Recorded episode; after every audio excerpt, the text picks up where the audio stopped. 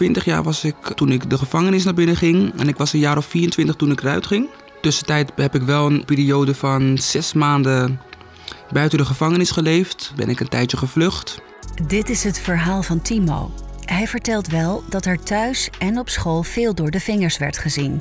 Je zou kunnen zeggen, signalen werden gemist. En intussen ging het op straat de verkeerde kant op met Timo. Vooral veel inbraken, auto-inbraken, huisinbraken. En ehm, ja, verschillende kleine delictjes. En ehm, ja, ik had heel veel voorwaarden ook die ik had overtreden. Zoals bij reclassering komen, noem maar op. Dus uh, dat speelt allemaal samen een rol. Je hoort Timo in de podcast van het CCV, het Centrum voor Criminaliteitspreventie en Veiligheid. In deze aflevering kijken we naar beleidsmakers, de bestuurders, de gemeente en de hulpverleners. Hoeveel ruimte hebben jongens als Timo nodig? Werken de maatregelen die we aan deze groep opleggen? En als het misgaat, waar gaat het dan mis en waarom? Dit is aflevering 2 van de serie Geboeid de oorzaak en het beleid. We zien de laatste paar jaar een stijging, niet een hele grote stijging, maar wel een stijging van het aantal ernstige delicten. Isabeth Mijnarends werkt bij het OM. Ze is afdelingshoofd beleid en strategie bij Parket Oost-Nederland. Ze geeft leiding aan een groep mensen van het OM die vooral buiten de deur van justitie werken, samen met de politie, met burgemeesters, om daar te bepalen welke zaken het OM moet oppakken. Zij ziet, net als anderen in haar vak, dat de jeugdcriminaliteit als geheel langzaam afneemt. Maar wat er overblijft, dat wordt ernstiger, zwaarder, hardere criminaliteit. En uh, dan vooral aan levensdelicten, dus pogingen tot moord, maar ook moord. Kijk maar, denk maar aan een aantal liquidaties. We zien een aanzienlijke toename van het messengebruik. Um, dus dat baart zorgen. Isabeth Mijnarends ziet ook dat een groeiende groep jongeren ineens begint aan de hardere criminaliteit. Nu zien we een populatie jongeren die we niet kennen. Dus die niet voorkomen in het strafsysteem. Die opeens drugs dealen op grote hoeveelheden. Die opeens met een mes een, uh, een overval uh, plegen. Dat baart zorgen. Terug naar het verhaal van Timo. Hoe langer we praten met hem, hoe meer we horen dat hij stelen en inbraken plegen niet uit geldnood deed, zoals veel andere jongeren. Ik had financieel een goed leven bij mijn ouders, vertelt hij. Armoede was geen drijfveer. Ik denk dat het gewoon echt meer de kick was. Ik vond, het, vond de spanning heel leuk en uh, de groepsdruk. Uh, we waren meestal met meerdere jongens dan ook. En het was een soort van tijddooien. Uh, ja, er was niet altijd veel te doen. De wintertijden konden we niet voetballen op straat, dus gingen we andere dingen proberen te doen. En dat was dan meestal fietsen stelen of uh, auto's inbreken. En dat uh, was allemaal eerst voor de kick, uh, voor de lol. In de vorige aflevering spraken we met Hiske Kromdijk, directeur van de Torbekke Scholengemeenschap in Zwolle. Ze zei: Let op de kleine signalen. Leerlingen die opvallen door hun gedrag, door kleine incidentjes waarbij ze betrokken zijn. Die leerlingen moet je in beeld houden. Timo vertelt het verhaal dat met hem eigenlijk het omgekeerde gebeurde. Op school merkten ze wel dat ik uh, wat anders was dan, de, de, de, meeste mensen op school. Dan heb ik het echt over de middelbare school. Um, ik kwam ook af van een lomschool. Um, ik had, dus ik had een uh, rugzakje. En ik kreeg toch wat, toch wat meer speling van de docenten. Ik was sowieso wat drukker. Uh, was ook ADHD geconstateerd toen ik heel jong was. Um, dus er werd sowieso iets meer rekening gehouden dan bij de andere leerlingen. Um, ik werd vaker geschorst, maar niet van school getrapt. Dus uh, ja, er werd eigenlijk een beetje ja, door, de, door de vingers heen gekeken af en toe als ik uh, iets verkeerds deed wat niet ja, door de beugel kon gewoon. Je kunt met dit verhaal twee kanten op. Het is misschien goed geweest dat de school zaken door de vingers heeft gezien, zodat Timo zijn diploma kon halen. Misschien was hij anders van school gestuurd. Maar aan de andere kant dacht Timo daardoor vaak dat er niet op hem werd gelet, waardoor hij weer door kon gaan met zijn gedrag. Er waren geen consequenties. Ik had nog niet echt een criminele ja, inzicht over het leven. Ik dacht nog niet echt per se aan, het, uh, aan mensen duperen van, uh, van geld en zo. Dat dacht ik niet aan. Ik uh, deed ook superveel goede dingen, waardoor het dus ook waarschijnlijk niet echt opviel dat het uh, de verkeerde kant op kon gaan. Op een nieuwe school leert Timo veel jongeren kennen die wiet roken. En Timo doet mee. Vanaf dat moment ging het eigenlijk bergafwaarts. Het ging gewoon heel slecht en uh, veel jointjes roken. Ja, ik kon geen jointjes uh, draaien zelf. Dus besloot ik maar bij de Marokkaanse doelgroep uit mijn, uit mijn buurt... Om maar naast hun te gaan staan, zodat hun met jointjes konden roken. En toen ging het de verkeerde kant op. Ging vooral veel stelen op straat. Timo kwam door zijn vrienden in aanraking met criminaliteit. Waar hulpverleners vaak tegenaan lopen, is dat jongeren al van huis uit criminaliteit meekrijgen. Bijvoorbeeld omdat hun ouders zich daar al mee bezighouden. Hoe kun je dan nog goed ingrijpen? Iris Hoedemakers is specialist veiligheid bij de gemeente Tilburg. Zij probeert samen met haar collega's families met criminele achtergrond zo goed mogelijk in beeld te krijgen. Nou, dat doen we bijvoorbeeld met uh, de aanpak van criminele families. Uh, die komen vaak ook voort uit zo'n intensieve leefbaarheidsaanpak, zitten in een crimineel netwerk. Er zitten nou ja, weldoeners achter. Ja, daar speelt vaak heel erg veel. En we zien echt wel dat we, dat weten we ook wel uit onderzoeken, dat de overdraagbaarheid van, van criminaliteit van generatie op generatie nou, best veel voorkomt. Die aanpak werkt met een coach die vanuit de gemeente het gezin gaat begeleiden en dan met name gericht op de kinderen. Een soort bijvangst is eigenlijk dat uh, ouders dan ervaren dat het als een soort uitstapprogramma gezien kan worden. Hè. Dus we, doen eigenlijk echt wel alles wat nodig is om ervoor te zorgen dat zo'n hele familie uit dat criminele netwerk uh, uh, getrokken wordt. Uh, en ook om dat vertrouwen in de overheid te herstellen. Maar we focussen vooral op, we moeten zorgen dat het goed gaat met die kinderen, dat die een ander toekomstperspectief hebben dan het criminele circuit. Het bijzondere zit vooral in de manier waarop zo'n coach te werk gaat. Er is geen bureaucratie die in de weg zit. Geen commissie die over van alles eerst goedkeuring moet geven. En het werk van de coach stopt ook niet om vijf uur, zegt Iris. Die coach uh, die is vooral heel uh, praktisch. Die zijn heel onorthodox. Uh, staan stevig in hun schoenen. Zijn 24-7 bereikbaar. Want de problemen beginnen meestal als de kinderen uit school komen of op zaterdagavond. en die doen echt alles wat nodig is. Dus ze kunnen eh, het zijn zelf hulpverleners, dus zij kunnen al heel veel zelf doen. Ze kunnen ook specialistische hulpverlening inzetten. Maar als ze moeten verhuizen en ze moeten mee een vloertje leggen, dan doen ze dat ook. Een coach is soms meer dan een paar jaar bezig met zo'n gezin. Langzaam worden problemen aangepakt. Tot het moment dat het gezin in staat is eigen problemen het hoofd te bieden en daarbij helemaal los te komen van het criminele circuit. Dit is een lastig traject en ook omdat er al snel verschillende instanties tegelijk met zo'n gezin te maken hebben. Isabeth Mijnarends, afdelingshoofd beleid en strategie bij Parket Oost-Nederland. Wat me heel erg bijstaat is het verhaal van een alleenstaande moeder met twee puberkinderen, een jongen en een meisje. Um, die met de handen in het haar zat, want ze had geen woonruimte na de echtscheiding. En ze liep in mijn ogen een foute huisjesmelker tegen het lijf. Die zei, nou weet je wat, um, ik zal haar naam niet noemen. Hier heb ik een woning voor je waar je in mag. Uh, op één voorwaarde dat jij uh, een hennepplantage uh, in dat huis onderhoudt. Uh, dat genereert heel veel geld uh, voor mij om de huurlasten te dekken en jij kunt in je eigen levensonderhoud voorzien. De vrouw besloot ja te zeggen tegen dat voorstel. Alleen liep het na een korte tijd al helemaal verkeerd. Er kwam een inval van de politie die een heel gevaarlijke situatie aantrof.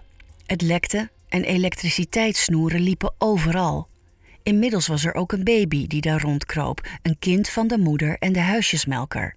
Verschillende instanties gingen zich dan ook na de inval bezighouden met het gezin, vertelt Isabeth. En iedereen bedoelt het goed. Laat, dit is geen aanklacht, maar wat je dan ziet is dat we allemaal apart gaan lopen. Dus uh, de politie uh, nam de hennep in beslag. Moeder kreeg een geldboete, terwijl ze natuurlijk geen cent had om uh, nou, in haar levensonderhoud te voorzien. Uh, er kwam wel een melding bij Veilig Thuis. Dus die gingen onderzoek doen naar de baby en naar die twee puberkinderen. De puberdochter ging nog braaf naar school, maar kon de spanning thuis allemaal niet aan. Dus keerde zichzelf naar binnen, ging aan automutilatie doen en ging uiteindelijk niet meer naar school. Moeder had niet de capaciteiten om het goede gesprek te voeren. En er was een wachtlijst voor een gezinsvoogd. En de zoon, ook goed bedoeld, klinkt misschien gek uit de mond van een officier van justitie, maar dacht ik ga het anders oplossen. Dus die rolde geluidloos en naadloos in de criminaliteit. Begon eerst met wat dealen en rondbrengen van pakjes. Maar verdiende meer dan genoeg om zijn lieve moeder uh, het hoofd boven water te houden. Maar ook dat kon niet lang goed gaan. De zoon ging steeds meer dealen, nu in harddrugs, en werd de drugsbaas van de buurt. Totdat hij door de politie werd opgepakt en werd berecht voor grootscheepse drugshandel. En wat je dan ziet is dat uh, er dus um, een, uiteindelijk een, een gezinsvoogd in het gezin kwam uh, voor baby en dochter. Um, uh, er nog niet heel veel gebeurde aan de schuldhulpverlening van moeder. Uh, zoon lief in de jeugdinrichting zat, zijnde de gevangenis. Um, en er waren allerlei hulpverlening was er in het gezin... die eigenlijk onvoldoende van elkaar wisten wat ze aan het doen waren. Uh, zoon lief als een crimineel, want dat was hij natuurlijk ook maar ook weer niet. Dus hoe, nou, dat geeft mij buikpijn. Wat Isabeth Mijnarends hier in feite zegt, is dat daderschap en slachtofferschap door elkaar lopen. De vraag is hoe je daar in het strafrecht mee om moet gaan. En de vraag van Isabeth is: wat gebeurt er dan? Gaat hij dan terug naar zijn moeder? En heeft moeder de tools gekregen om hiermee te dealen, om anders hierop te reageren? Uh, is er überhaupt woonruimte? Uh, is hij van zijn schulden af? Nou ja, dat zijn uh, vragen voor mij. Is de gezinscoach uit Tilburg dan een antwoord op al die vragen? Tijme Leijen is specialist veiligheid bij de gemeente Tilburg en houdt zich vooral bezig met het thema ondermijning en criminaliteit. Ook hij werkt samen met gezinscoaches. De reden waarom de aanpak door de coaches goed werkt, is omdat er geen aparte organisaties zijn die zich allemaal vanuit hun eigen doel met het gezin bezighouden, zegt Tijmen. Heel veel organisaties gaan dan toe met een taakstelling. Ik kom dit stukje oplossen en als ik klaar ben, dan is het opgelost. Maar als je ziet dat de grote stressfactoren in een gezin vaak schulden zijn, kinderen die problemen hebben op school en dat soort dingen, dan zijn dat vaak de eerste dingen waar je in moet steken. En als je een taakstelling ingaat, ja, we gaan zorgen dat er een, een trauma uit het verleden wordt verwerkt, dan moet je eerst zorgen dat die andere dingen zijn opgelost voordat je daar aan kunt gaan beginnen. En die vrijheid die geven die coaches ook. De gezinscoach kan mensen helpen die met een andere aanpak niet verder komen, zegt Tijmen. de, de, meeste mensen die kunnen gewoon vooruit met een taakstelling. Die kunnen, hè, ik heb een probleem, eh, mijn kind heeft dyslexie, nou los op. Wij gaan dyslexie uh, training geven. Daar zijn ze ook mee geholpen. Maar 2, misschien 3 procent is daar niet mee geholpen, omdat ze gewoon andere dingen, andere problemen hebben die eerst opgelost moeten worden. Voordat ze zover zijn dat ze hiermee aan de gang kunnen. Hulp begint vaak bij het meehelpen aan de oplossing van een praktisch probleem. Dat schept vertrouwen en daarop kan de coach weer verder bouwen. In het begin hebben we inderdaad gewoon gezinnen gehad waar, gewoon een, waar je binnenkwam, waar een wasmachine kapot was. Waar je zegt dan op dat moment, we gaan eerst die wasmachine vervangen en dan kun je in ieder geval gaan wassen en dan kun je weer daarmee verder. Maar we hebben ook een gezin gehad dat was bezig met de uitkering. Uitkering is sowieso vaak een probleem. Want uh, dan moeten ze één keer gaan. Hè? Wij, wij, proberen ze die uitkering in te krijgen. Maar dan moeten ze één keer gaan aantonen hoe ze die jaren daarvoor hebben geleefd. Ja, dat is vaak niet. Uh, dus wij hebben vaak intern heel veel discussie daarover. Maar dan zie je dus dat iemand gewoon 50 euro nodig heeft om het weekend door te komen. Ja, die hebben ze dan niet op dat moment, omdat die uitkering nog die aanvraag loopt. Ja, dan kan het zijn dat we die 50 euro geven. En dan zien we vervolgens alweer of dat ooit terugkomt of niet. Maar die 50 euro, die, als dat nodig is om op dat moment die mensen een weekend verder te helpen. En voor ons natuurlijk een grote winst dat ze keer vertrouwen krijgen in hetgeen wat wij doen. Tijmen ziet dus dat gezinnen met criminaliteitsproblemen veel vertrouwen krijgen in zo'n aanpak met een gezinscoach. Maar hoe effectief is dat nou op de langere termijn? Jan-Dirk de Jong is lector aanpak jeugdcriminaliteit aan de Hogeschool Leiden. Hij geeft les in de aanpak van jeugdcriminaliteit en heeft veel onderzoek gedaan. Hij ontwikkelde een manier om te kunnen meten hoe goed of slecht de aanpak van jeugdcriminaliteit aankomt bij jongeren. Dat werkt onder meer met enquêtes. Bestuurders en hulpverleningsorganisaties kunnen daarmee grip krijgen op de effectiviteit van hun beleid. Werkt het in de praktijk? Hoe komt ons verhaal aan bij de jongeren? Daar komen soms opmerkelijke uitkomsten uit naar voren. Zo zijn hulpverleners en soms ook jongere werkers geneigd om alleen de negatieve kanten te zien van de criminele vriendenkring die een jongere heeft. Intussen geven de jongeren zelf aan dat die vrienden, ook al zien wij die als slechte vrienden, intussen wel de enige vrienden zijn die ze hebben. Het zijn de mensen die niet alleen van ze profiteren, maar met wie ze ook een band hebben. Heb je helemaal geen oog voor, want je zit vanuit een soort risicobril naar mij te kijken. En je ziet dus niet dat ik ja, mijn vrienden ook help, steun, dingen leen, geef. En het kunnen dingen zijn waar je ook geen voorstelling bij hebt. Hè? De box openmaken zodat hij daar kan slapen omdat hij thuis weer ruzie heeft gehad. Uh, mijn laatste jointje geven omdat hij even onrustig is en zegt ik moet echt wat te roken hebben. Dat zijn dingen waarvan jij misschien zegt, nou, ik weet niet wat ik daarvan vind. Maar het is feitelijk natuurlijk wel helpen. Als hulpverleners zich meer bewust zouden zijn van hoe jongeren werkelijk aankijken tegen de criminele bendes, zouden ze daarop kunnen aanhaken, zegt Jan Dirk de Jong dan kun je zeggen van luister, blijkbaar vind je het belangrijk om van betekenis te zijn voor een ander met, met helpen, met delen, met, met leren, met steunen. Wat fijn, wat mooi, hoe fijn zou het zijn als enzovoort. En zo zijn er meer voorbeelden van waar jongeren en hulpverleners over en weer niet zien hoe ze bij de ander overkomen. Hulpverleners denken vaak dat ze vooral wantrouwend en negatief bekeken worden door jongeren die uit een criminele bende komen. Jan Dirk de Jong ontdekte dat de jongeren die in hun leven vaak door volwassenen teleurgesteld zijn, zich in een behandeling vaak heel gereserveerd opstellen. Maar dat betekent niet dat het verhaal van de hulpverlener elk doel mist. Jongeren zijn daar zelf helemaal niet zo negatief over. Die zijn veel positiever over die werkrelatie met diegene. En dat noemt een hele bekende uh, jongerentherapeut Erik Jongman, noemt dat de kilte van de behandelkamer. Daar moet je als professional dus aan wennen. En dat niet op jezelf betrekken. Het zijn resultaten die uit de meetmethode komen die Jan Dirk de Jong gebruikt. Hij hoopt dat meer onderzoek de komende jaren duidelijk kan maken hoe effectief de hulp aan jongeren echt is en waar het beter kan. Een voorbeeld van een nieuw soort hulpverlening is die van Tony Iniges Najdanovski. Hij is van Prospects for Cash. Tony richtte die organisatie zelf op toen in 2020 de gemeente Arnhem hem vroeg of hij als ondernemer jongeren naar werk wilde begeleiden. Dat zijn jongeren die niet de juiste rolmodellen om zich heen hebben, kansrijk zijn om af te glijden, niet snel zeg maar, in contact komen met het reguliere bedrijfsleven en het heel moeilijk vinden om die stap te zetten. Tony heeft een enorm netwerk van ondernemers in de regio en ging met een groep jongeren aan de slag. Nou, de eerste twee maanden ongeveer eh, zijn wij bezig met arbeidsethos. Op tijd komen, communiceren, samenwerken. En dan gaan we allerlei klussen verzinnen.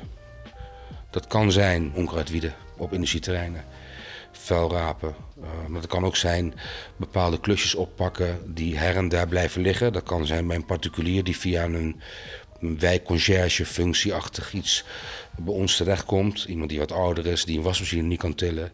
Uh, maar dat kan ook zijn een bedrijf die gewoon een opruimklus heeft, nooit aan toe komt. En die zegt, oh, kom maar op. Nou, en op deze wijze kunnen we met die jongeren gewoon in een proces aan de gang. Uh, doen ze echt van alles. En uh, ja, dan krijgen wij een beetje in de gaten wat voor vlees in de kuip hebben. Tony komt via jongerenwerkers met de jongeren in contact. Er is geen lang voortraject, geen aanvraag op papier of goedkeuring vanuit de gemeente. Binnen een korte tijd zijn die jongeren aan het werk. En na die twee maanden gaan we met alle jongeren weer apart zitten. Als ze weten wat ze willen, gaan we ze gericht begeleiden naar een baan. Als ze niet weten wat ze willen, gaan we op bedrijfsbezoek om ze te inspireren. En dan kunnen we ze naar een baan begeleiden. Een BBL-traject als ze nog op school zitten, een bijbaantje, snuffelstages, nou verzin het maar. We gaan weer naar het leven van Timo. Daar gaan intussen steeds meer dingen mis. Voor hem komen er geen opleidingen in beeld, geen snuffelstages. Met 16 jaar valt het toezicht van zijn ouders weg. Zijn moeder wordt psychotisch en Timo gaat op zichzelf wonen. Hij hoeft niet meer vroeg thuis te zijn en alle remmen gaan los. Toen ik op mezelf ging wonen, ging best behoorlijk wat stelen. Laat uh, op straat hangen. En de jongens die laat buiten waren, die deden alleen foute dingen. En uh, ja, ik had voor mijn gevoel geen jeugd meegemaakt, omdat ik dus altijd zo streng werd opgevoed. Vroeg thuis moet zijn, altijd moest werken van mijn ouders in de bloemenstal. Dus uh, ja, toen ik de mogelijkheid kreeg om gewoon lekker laat naar buiten te gaan en de jongens zag die alleen maar foute dingen deden, besloot ik maar ook om met hem mee te gaan doen. En uh, ja, puntje bij paaltje was ik op een gegeven moment gewoon uh, een dief eigenlijk, om het op die manier maar te zeggen. Het was gewoon iets wat dagelijks gebeurde en ja, hoe vaak je iets doet, ja, op een gegeven moment wordt het normaal voor je. Timo gaat steeds meer diefstallen plegen. Hij weet niet hoe hij met de ziekte van zijn moeder om moet gaan. Ik wist ook niet meer echt wat normaal was. Op het begin dat ik eh, op mezelf ging wonen, ging ik ook niet meer werken. Op een gegeven moment ging alles gewoon bergafwaarts omdat mijn moeder ziek was. Uh, dat ik dat een beetje ging verwerken door te stelen op een gegeven moment ook. Dat ik mijn moeder zag dat ze anders was dan normaal. Heel psychotisch, bang, angstig. En uh, ze zag geesten. En ja, als je 15, 16, 17 jaar bent en je, je ziet je moeder ja, gek worden eigenlijk, om die manier maar te zeggen. Ja, ik denk dat je dan uh, dat iedere persoon het er moeilijk mee krijgt. Toch zegt Tony van Prospects for Cash dat hij voor alle jongeren, ook voor de jongens als Timo, uiteindelijk wel een plek kan vinden. De bedrijven waarmee hij samenwerkt willen graag meewerken, merkt hij. De bedrijven uh, komen uit ons persoonlijke uh, warme netwerk. Die weten wat we aan het doen zijn. Die staan nog net niet in de rij dat staan wij niet toe. Wij zoeken de bedrijven op het moment dat wij weten dat we een jongere hebben die een bepaalde kant op zou willen. Dus wij werken echt vanuit de individu. Nou, en hier in, eh, in het mooie Arnhem zeg maar, is veel te bieden, behalve dan uh, zeevaart en luchtvaart. Dus alle sectoren zijn hier wel aanwezig. En die zijn gewoon, de bedrijven zijn heel positief. De jongeren met wie Tony aan de slag gaat, hebben alleen soms geen werkervaring. Als het misloopt en een jongere komt diverse keren niet opdagen, komt Tony dan ook snel in actie. En dan kan het uh, zo zijn dat zo'n jongen wordt geconfronteerd waar ouder, jongerenwerker, werkgever, misschien zelfs school uh, bij aanwezig is. En dan kan hij niet meer duiken. Want als hij een leugen heeft, ja, ergens gaat hij nat. Dus ja, en op die wijze bouw je wel een band op. En uh, als ik ga kijken, procentueel een paar procent is het niet mee gelukt. We gaan weer terug naar het verhaal van Timo. Hij heeft naar eigen zeggen honderden diefstallen en kleine overvallen gepleegd. Wanneer hij uiteindelijk tegen de lamp loopt, wil de rechter dat hij naar een inrichting voor stelselmatige daders gaat, een ISD. En net als bij veel andere jongeren betekent dat voor Timo dat hij van de ene naar de andere inrichting moet verhuizen. Begon bij Alphen aan de Rijn. Mijn voorarrest werd ik vervolgens overgeplaatst naar Almere omdat daar uh, de ISD was. En uh, op een gegeven moment ging de ISD ging sluiten in Almere. En uh, de hele gevangenis uh, ging vervolgens sluiten, werd overgeplaatst naar Lelystad. van Lelystad ging ik naar Zaandam. En van Zaandam ben ik naar een kliniek gegaan in Heilo. En uh, vanaf Heilo ben ik gevlucht, vervolgens weer terug naar Alphen aan de Rijn. En uh, na twee à drie maanden heb ik toen mijn straf afgerond in uh, Zaandam weer. Timo gaat van penitentiaire inrichting naar inrichting. Maar op bijna al die plaatsen heeft hij het gevoel dat er niets aan zijn werkelijke probleem gebeurt. Er werd eigenlijk alleen maar op mijn vingers getikt. Er werd mij verteld wat ik verkeerd deed. Ik kreeg ook nooit echt het gevoel dat ik geholpen werd. En als ik geholpen werd, um, had het voor mij eerlijk gezegd geen toegevoegde waarde. Ik stond er niet echt zelf achter. En uh, ja, zoals ik al zeg, wordt alleen maar naar je gekeken wat verkeerd ging. En ik stond er ook zelf niet eerst eerlijk gezegd achter om geholpen te worden. En uh, ja, laten we eerlijk zijn, je wordt pas geholpen op het moment dat je het zelf wilt. Dus het is eigenlijk alleen maar geldverspilling dat al die hulpverleners naar mij toe zijn gekomen om met mij in het, uh, het gesprek aan te gaan. En ik denk dat het bij honderden andere jongeren ook hetzelfde geval is. Het sleutelwoord in de aanpak van criminele jongeren is vertrouwen. Is dat er niet, dan loopt de aanpak meestal snel tegen problemen aan. Tony van Prospects for Cash kan erover meepraten. Zeven soortgelijke projecten in andere steden waren niet zo succesvol als die van Tony in Arnhem. Volgens hem komt dat omdat hij van huis uit ondernemer is, de taal van de jongeren spreekt en weet dat andere ondernemers niet met een 9 tot 5 mentaliteit werken. En dus is hij ook in het weekend aan te spreken, niet alleen voor de ondernemers, maar ook voor de jongeren zelf. Hij geeft een voorbeeld. Bijvoorbeeld zaterdagavond, ik heb geen geld op de rekening en ik wil uitgaan, kan ik een voorschot krijgen. De echte voorbeelden. En dan worden we gebeld en dan worden we geappt. Want iedereen heeft ook mijn nummer en die van Roberto en die van Daniel nou, enzovoort. Ehm, en dan regelen we het wel. En dan als het maandag of dinsdag is en we zien ze weer, dan gaan we opvoeden. Dan we zeggen, joh, luister. Denk je dat het normaal is zaterdagmiddag, middernacht ons te appen voor een voorschot? Dan heb je ze eerst geholpen en daarna ga je zeggen dat het eigenlijk niet normaal is. Tony springt ook op andere manieren voor jongeren in de bres. En ook dat gaat om vertrouwen. Jongeren gehad die in eerste instantie ergens niet was aangenomen. En via ons uiteindelijk, uh, doordat we letterlijk bij dat bedrijf naar binnen zijn gelopen met hem. Dat bedrijf kenden wij zelf niet. Maar jij wil hier werken, ze hebben je afgewezen. Kan niet. We lopen gewoon naar binnen. En toen werden we doorverwezen naar het hoofdkantoor. We hebben een afspraak gemaakt, Roberto en ik. En dan zijn we gaan praten. En het ging om een supermarktketen. en daar hebben we deze jongen uiteindelijk geplaatst. En na twee maanden, dus in het volgende traject, na twee maanden, moeten ze dus zeggen: Oké, we gaan iemand een contract aanbieden, ja of nee. En na zes weken kregen we al een bericht: Ja, in eerste instantie hadden we hem niet aangenomen, omdat we twijfelden aan zijn intelligentie en sociale vaardigheden. Maar wat een fijn persoon. Ja, weet je, dat is fantastisch. Het succes van het project zit volgens Tony in een persoonlijke aanpak. Dat is het andere sleutelwoord naast vertrouwen. Persoonlijke inzet, ook na kantooruren. Zo zorgt Tony er regelmatig voor dat de jongeren ook daadwerkelijk elke dag op tijd naar hun nieuwe werkgever gaan. Ook als ze een keer geen zin hebben. Echt aanbellen als ze niet wakker worden. Dat soort, echt dat hè. Hup. Dat gaat, dat gaat een werk- en inkomenambtenaar niet doen. Hier komen jij, Hup. Met je lichaam uit bed. Hijs je maar in de kleding. Ik wacht wel. We gaan voor de laatste keer terug naar Timo. Hij krijgt op een gegeven moment een begeleider toegewezen die net als hij Timo heet. Timo van de Pol. En hij weet hem wel te bereiken. Zijn betrokkenheid is echt, zegt Timo over zijn begeleider. Timo helpte mij ook erbij, omdat hij me ook gewoon uh, buiten kantoortijden ook echt wel helpen. En op het moment dat ik iets fout deed, ging hij me niet gelijk uh, aanmelden bij de, bij de rechtbank of bij de reclassering, noem maar op. Hij gaf me gewoon kansen. Hij ging er met me over hebben en hij ging me, ja, hoe moet ik het uitleggen? Hij, hij gaf mij gewoon het gevoel uh, dat het niet altijd mijn fout is. En uh, ja, hij kijkt gewoon eerst naar de oorzaak. Hij gaat niet gelijk kijken wat ik verkeerd doe. Hij kijkt juist waarom ik het doe. Timo vindt het lastig om hulpverleners meteen te vertrouwen. Hij maakte vaak mee dat een hulpverlener al een beeld had opgebouwd van hem, terwijl het echte gesprek dan nog moest beginnen. 9 van de 10 keer wanneer hij bij een hulpverlener komt, ja, uh, dan lezen ze al een dossier van je. Uh, ze hebben al gelijk een beeld over je. En dat is normaal, dat elke mens heeft dat. Uh, als je over iemand iets inleest, je krijgt gewoon een bepaald beeld over een persoon. En dat is blijkbaar dan niet goed.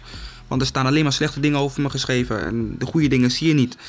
Nou, dus dan is het gesprek sowieso al wat uh, ja, lastiger. Je staat al 1-0 achter.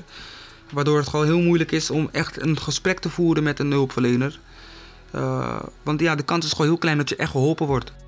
Timo kwam uit zijn problemen via een kleinschalige organisatie met mensen die werkelijke betrokkenheid hadden bij de jongeren die ze helpen. Hij wil nu zelf een organisatie op poten zetten die criminele jongeren weer op het rechte pad helpt kleinschalig en met hulp voor stage, schulden en alle andere aspecten waar jongeren zoals hij zelf tegenaan kunnen lopen. Dit was de tweede aflevering van de podcastserie Geboeid, een nieuwe podcastserie van het Centrum voor Criminaliteitspreventie en Veiligheid, het CCV. In de volgende aflevering het eerste wat die jongeren vragen aan mij is: hoeveel verdien je ermee? Ik deed gewoon wat voor mezelf het beste was. was gewoon overleven voor mij, weet je. Nou, en dan vertel ik ze dat en dan vinden ze het allemaal prachtig. Weet je, ben je net gewend aan de ene, dan, komt, dan, dan wordt hij weer vervangen. En dan denk ik bij mezelf: hallo. Zo, ik leefde gewoon van dag tot dag. En wat gebeurt er dan? Dat kind gaat wantrouwen. Waar is de check hier? Wil je meer weten over dit onderwerp of de sprekers? Kijk dan in de show notes van deze aflevering of op de website van het CCV hetccv.nl. Als je de andere afleveringen niet wilt mislopen, abonneer je dan nu in je podcast-app. Dat is gratis. En als je dit een mooie aflevering vindt, die anderen ook zouden moeten horen, laat dan een rating achter of een review en deel de aflevering. Dan maak je deze podcast beter vindbaar voor anderen. Dit was een podcast van het CCV. Ik ben Patty Lou van Audiodroom Podcast Producties. Bedankt voor het luisteren en tot de volgende aflevering. like you. Zoveel tranen op mijn t-shirt. Zocht alleen een beetje liefde. Probeer het verleden zo vaak te vergeten. Daarom zoek ik naar die brieven. Mama, I don't wanna cry. Maar zo lijkt het of niemand mij begrijpt. Ik zweer het, mijn hart doet zoveel pijn. I am just a lonely child. Lonely child. Gesprekken met mezelf, alleen ik en mijn gedachten. Zocht alleen een beetje liefde om de pijn niet te verzachten. Gevorderd door de straten, zeg mijn broertje, wat verwacht je? Best hoe ze me schilderen als grote crimineel. Weten niks van mijn verleden, maar toch oordelen ze veel. Geassocieerd als crimineel, maar de staat creëert hem zelf. Kleine jongens opgesloten op een groep of een cel. Neem een kijkje in de zorg en vraag je af of het helpt. Ik had een zware bagage en ik zat alleen in die hel. Ondanks de pijn, maar had die puur, maar velen maakten het fel. Neem jezelf geen jeugdzorg als je de jeugd toch niet helpt. Als je de jeugd toch niet helpt. Zoveel tranen op mijn t-shirt. Zocht alleen een beetje liefde. Probeer het verleden zo vaak te vergeten. Daarom zoek ik naar die brieven. Mama, I don't wanna cry. Maar zo lijkt het of niemand mij begrijpt. Ik zweer het, mijn hart doet zoveel pijn. I am just a lonely child, lonely child.